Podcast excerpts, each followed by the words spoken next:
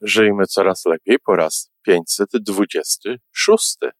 Dzisiaj audycja taka, no chyba znowu z gatunku tego, e, jak szczęśliwa mama, albowiem jedna z fantastycznych zresztą naszych słuchaczek e, zadała mi pytanie, jak inspirować dzieci, żeby same szukały swojej drogi.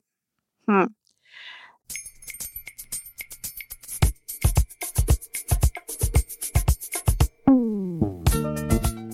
Witamy w kolejnym odcinku podcastu Żyjmy Coraz Lepiej, tworzonego przez Iwonę Majewską Opiełkę i Tomka Kniata. Podcastu z dobrymi intencjami i pozytywną energią, ale także z rzetelną wiedzą i olbrzymim doświadczeniem we wspieraniu rozwoju osobistego. Chodzi nam o to, aby ludziom żyło się coraz lepiej, aby byli coraz bardziej spełnieni, radośni i szczęśliwi. A że sposobów na spełnione życie jest tyle, ile nas, więc każdy musi znaleźć ten swój.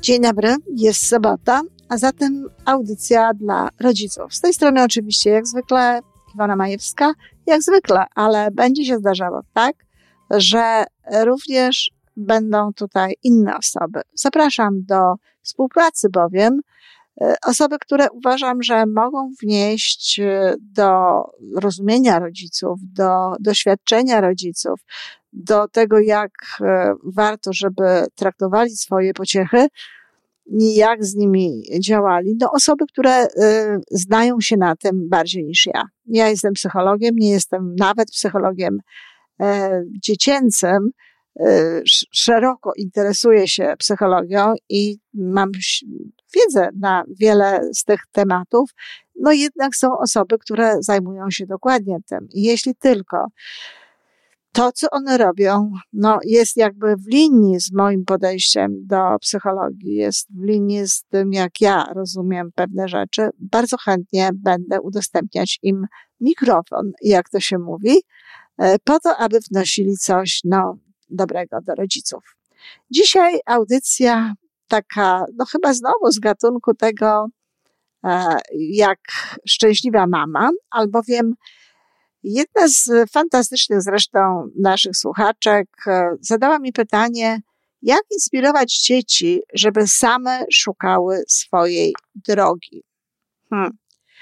E, ja przede wszystkim chciałabym tutaj, no, od, e, jakby odesłać niektórych rodziców do swoich własnych doświadczeń. E, wiem, że ci rodzice, którzy dopiero mają maleńkie dzieci, które, którzy mają w tym momencie dwadzieścia kilka lat, mogli być już zupełnie inaczej wychowywani, ale te, to pokolenie czterdziestokilkuletnich osób, czy nawet trzydziestokilkuletnich, to są ludzie, którzy bardzo często nie byli inspirowani przez swoich rodziców. Nie byli inspirowani mm, w taki sposób, jak no, często rodzicom się wydaje właśnie, że inspirują.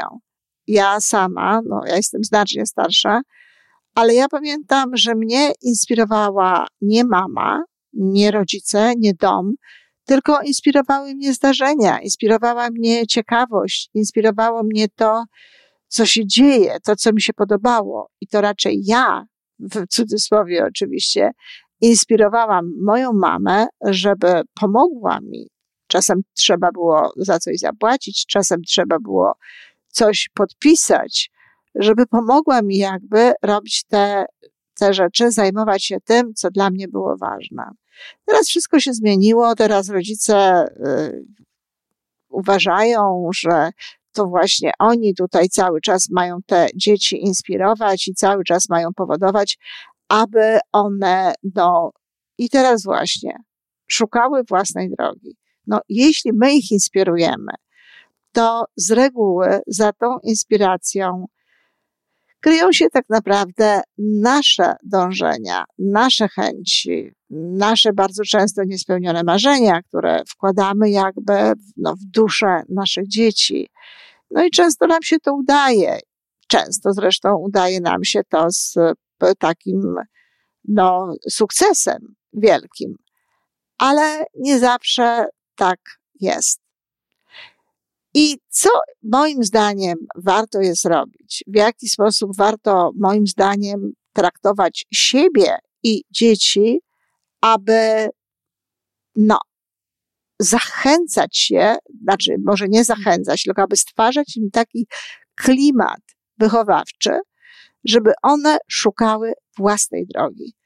Własnej. Każda, każda dusza jest indywidualna. Każdy potencjał jest niepowtarzalny. Każdy z nas ma coś do zrobienia, co jest tylko y, dla niego. Y, jeśli ktoś ma być pianistą, jeśli ktoś ma w sobie potencjał do tego, żeby, żeby grać, żeby się rozwijać, rodzice wcześniej to zauważą, zobaczą, że takie dziecko, nie wiem, zatrzymuje się przy e, fortepianach, przy pianinach, że próbuje grać, że słucha z zainteresowaniem, kiedy gra, gra ktoś inny. Zresztą można znaleźć takie opisy e, w życiorysach różnych e, znanych muzyków, że tak się właśnie zachowali. Czyli ten punkt pierwszy, może nie najważniejszy, ale ten punkt pierwszy to jest podążać za dzieckiem, obserwować dziecko, znać swoje dziecko, widzieć, w którą stronę ono chce iść, widzieć, w jakim kierunku ono podąża. Ja pamiętam, że kiedy przyjechałam do Kanady, Weronika była taką już trochę podrosła, bo była jeszcze młodsza, kiedy przyjechaliśmy, ale miała już jakieś cztery lata.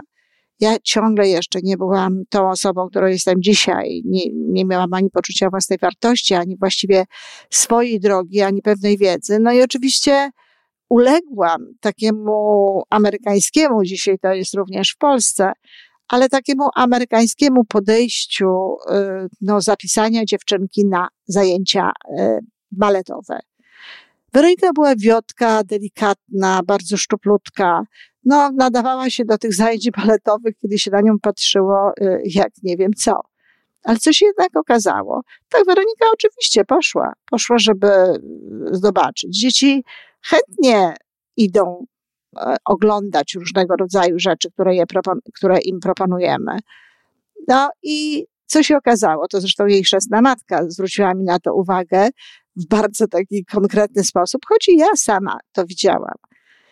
Weronika kompletnie nie nadawała się do tego, do tych zajęć baletowych. Kiedy inne dziewczynki delikatnie jakoś tak tymi rękami, no nie wiem, machały, czy jakkolwiek to się nazywa, moja Weronika machała nimi bardzo szybko i bardzo energicznie i starała się przebiec jakby najszybciej ten odcinek, który trzeba było przebiec z wdziękiem raczej, niż na, e, na takim właśnie rywalizującym wręcz troszeczkę, z takim rywalizującym wręcz nastawieniem. I moi chrzestna Weroniki, moja przyjaciółka, powiedziała, słuchaj, ty ją zapisz raczej na karate niż na balet. To, I to, to nie było złośliwe, to było takie właściwie stwierdzające fakt. No i faktycznie nie zapisałam jej na karate, ale na zajęcia z taekwondo i to było coś, co się jej bardziej podobało. Jednakże Weronika jest w ogóle indywidualistką. Zawsze była indywidualistką, zawsze była bardzo samodzielna. W związku z tym, no, niekoniecznie zajęcia grupowe to było to, co ona w ogóle lubiła. Podążałam za nią i niczego jej nie narzucałam. Sama znalazła sobie y, te rzeczy i te aktywności sportowe, które ją bawiły, które dla niej były dobre. Kiedy na przykład zobaczyliśmy pierwszy raz Weronikę z rakietą tenisową w ręce, nawet y, ma takie zdjęcie, to naprawdę wyglądała jak już dobrze wytrenowana tenisistka. Widać było, że to jest coś, co ona czuje, coś, co jest dla niej. E, na nartach jeździła od pierwszego momentu chętnie, radośnie.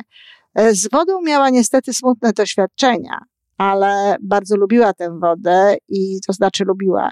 E, bardzo długo było tak, że chodziła wokół basenu. Myśmy byli w basenie, a ona chodziła wokół basenu, niekoniecznie chciała do niej wejść.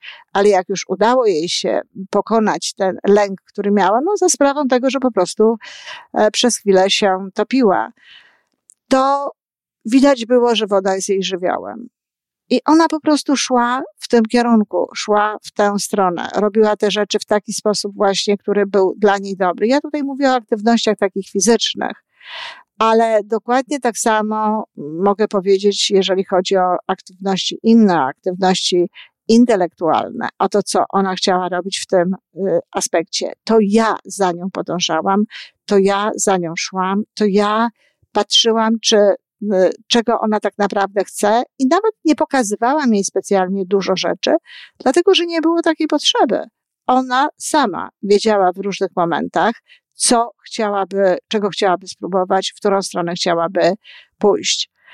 A, czyli patrzeć na dziecko, znać dziecko, naśladować dziecko. Co dalej? Po pierwsze, samemu trzeba mieć swoją własną drogę.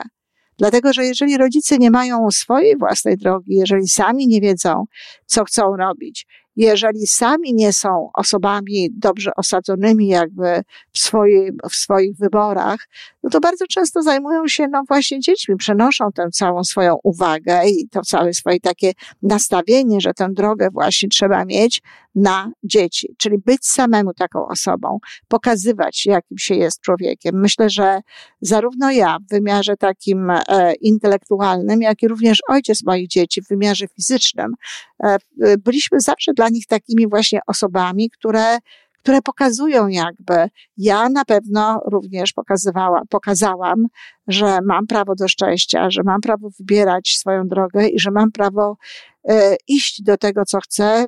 Wiem, że obie moje córki, szczególnie moja młodsza, są dumne z moich osiągnięć i bardzo e, często to e, zaznaczają, bardzo często o tym mówią, że, że to, to, jak ja funkcjonowałam i jak funkcjonuję, bardzo im się podoba. Czyli samemu przede wszystkim mieć drogę i mieć tę drogę taką, żeby było widać, że jest w tym pasja, że jest w tym zainteresowanie, ale oczywiście, i że też dokonujemy pewnych wyborów, które dla nas są ważne, ale oczywiście najlepiej takich, żeby no nie cierpiało na tym, e, nie, nie cierpiała na tym e, rodzina, ale rodzina naprawdę nie musi cierpieć, można to połączyć wszystko tak, żebyśmy dobrze się z tym czuli.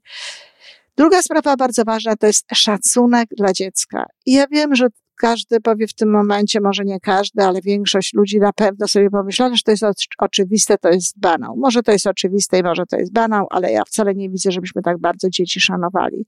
Szacunek dla dziecka, szacunek dla jego wyborów, szacunek dla tego, co ono chce robić, szacunek, e, jaki okazujemy mu, kiedy ono się czymś zajmuje, a wiadomo, że E, częścią tego szacunku jest no, niekrytykowanie, nieumniejszanie pewnych rzeczy, e, jak gdyby rozumienie i taka aprobata, nawet nie tylko akceptacja, ale nawet aprobata tego, że ktoś właśnie tym w tym momencie się zajmuje.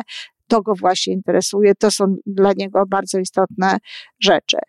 Kolejna sprawa to są rozmowy z dziećmi. Rozmowy z dziećmi, w których mówimy o swoich poszukiwaniach, w których mówimy o tym, że nie zawsze na przykład wiedzieliśmy, co chcemy robić, albo że wprost przeciwnie. Chcieliśmy robić zawsze, tak jak w moim wypadku, zawsze chciałam pisać i zawsze chciałam uczyć. Można pytać w tym momencie, a co ty chciałabyś robić? I słuchać, nie odnosić się do tego w żaden sposób, nie, nie krytykować tego, tylko słuchać, słuchać, co ona robi. W ogóle jednym z aspektów tego szacunku i tej, tego szacunku w rozmowie, kiedy z tymi dziećmi rozmawiamy, no jest właśnie to, że tego, o czym one mówią, no, nie krytykujemy, nie oceniamy, nie, nie analizujemy, nie poddajemy również e, takim e, ocenom, czy to warto, czy nie warto, czy ono ma do tego e, zdolności, czy nie ma, czy nie lepiej było, gdyby zainteresowało się tym czy tamtym. Kolejny punkt, który jest dość istotny, no to taki punkt, który nie jest, nie jest łatwo wprowadzać. Ja myślę, że będę na ten temat jeszcze wiele razy mówiła, ponieważ tutaj możliwy jest cały szereg niedopowiedzeń takich i, i nie, niezrozumienia y, po, po, tej, po stronie odbiorcy, czyli po tej waszej stronie, kochani rodzice.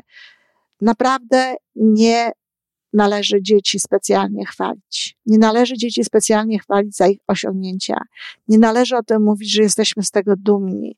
Nie należy się czymś zachwycać, dlatego że jeśli zaczniemy się czymś zachwycać, jeżeli zaczniemy mówić, że jesteśmy dumni z tego, że one robią to czy tamto, będą robiły część, często te rzeczy właśnie dla nas. Nie to, co dla nich samych jest przyjemnością, nie to, co dla nich samych jest ważne, tylko po prostu chodzi o to, że tylko będą chciały Was zadowolić, będą chciały, chciały robić to dla Was.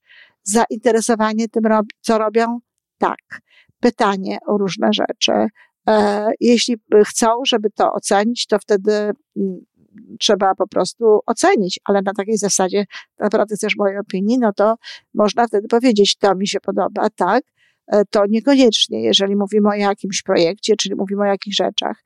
Jeżeli pytają nas o ocenę swoich zachowań czy swoich zainteresowań, to wtedy zawsze trzeba kierować to na ich wnętrze, trzeba to kierować do nich. No a jak ty, jak ty się z tym czujesz? Czy kiedy to robisz, to czujesz, że to jesteś ty?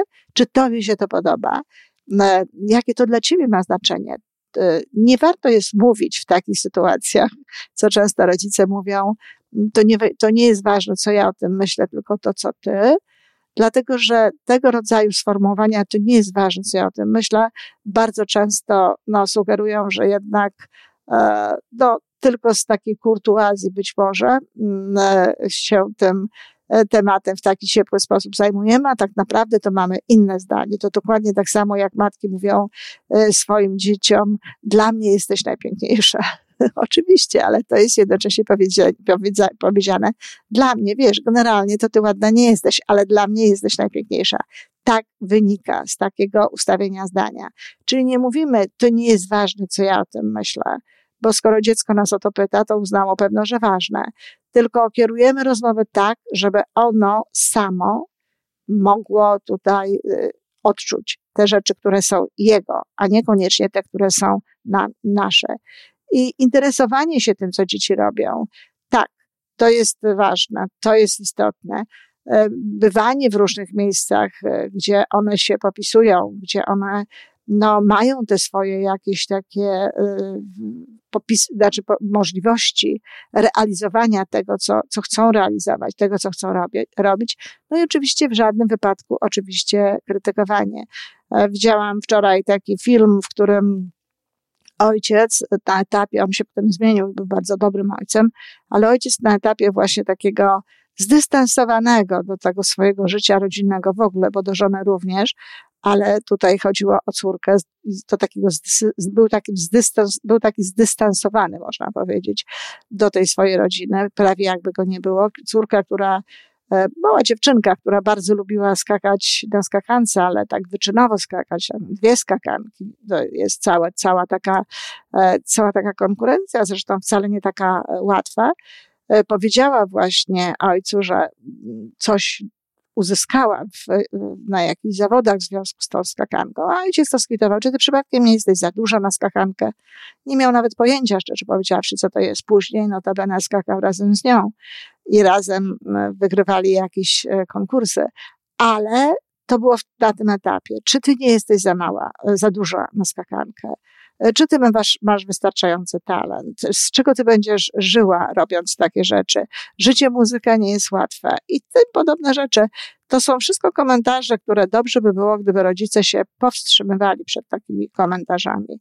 No, ja osobiście uważam, że nie ma sensu samemu zapisywać dzieci na różnego rodzaju zajęcia. W żadnym wypadku nie tłumaczyć im, że warto, że dobrze by było, gdyby spróbowały i tak dalej. Można im pokazywać, można chodzić, można oglądać różne rzeczy i patrzeć, patrzeć, co ich interesuje. Zadawać czasami pytania, podoba ci się to? Chciałbyś w taki sposób funkcjonować? I tak dalej. Szkoła też oczywiście w tym nie pomaga. Szkoła też unifikuje w pewien sposób dzieci. E, w społeczeństwie istnieje szereg takich różnych mitów, że właśnie ten zawód to jest dobry, a ten to jest niedobry. W związku z tym gdzieś kieruje się na przykład dzieci w takim w taką stronę, tę stronę tych dobrych zawodów, a te dobre zawody czytaj, to są oczywiście zawody płatne, zawody, w których łatwo jest znaleźć pracę. Natomiast życie pokazuje i obserwacje pokazują, że najłatwiej znaleźć jest pracę e, i najlepiej funkcjonują ludzie, którzy robią to, co naprawdę kochają i idą z pasją za tym i nie mają właśnie gdzieś po drodze kłód, między innymi no, w, wynikających ze zdania rodziców, które jakby nie popiera tego, co one robią. Czyli podsumowując, obserwować dzieci, samemu mieć drogę i rozmawiać o tym ze, ze, swoimi dziećmi, o swoich zmaganiach, o swoim poszukiwaniu e, tego, kim się jest, o, o swoich nawet wątpliwościach, jeżeli takie są. A szacunek który objawia się pod każdym względem. Szacunek dla wyborów naszych dzieci, szacunek dla tego, co one robią, ale też szacunek dla ich, no, jakby nie, nie, niekoniecznie chęci robienia różnego rodzaju rzeczy.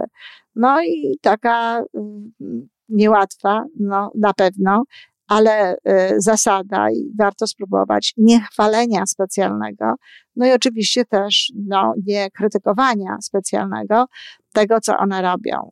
Raczej odnoszenia się do tego, jak one to czują, a z naszej strony po prostu zainteresowanie. Zainteresowanie tym, co robią. Czasami możemy się od nich nawet y, czegoś uczyć. Na początku możemy dawać, że się uczymy, ale naprawdę, kiedy zaczną być w tym coraz lepsze, okaże się, że uczymy się faktycznie. Podsumowując jednym zdaniem, nie ma takiego sposobu jednego i nie ma takich technik i nie ma takich ćwiczeń, które pozwoliłyby, aby nasze dzieci, nam inspirować swoje dzieci do ich własnej drogi. Ich własna droga musi być ich własną drogą.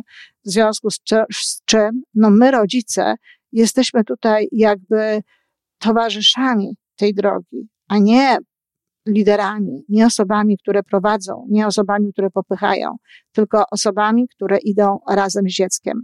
Czasami mam wrażenie, że zupełnie niepotrzebnie rodzice próbują przejmować w tej sytuacji no, rolę liderów albo rolę osób popychających.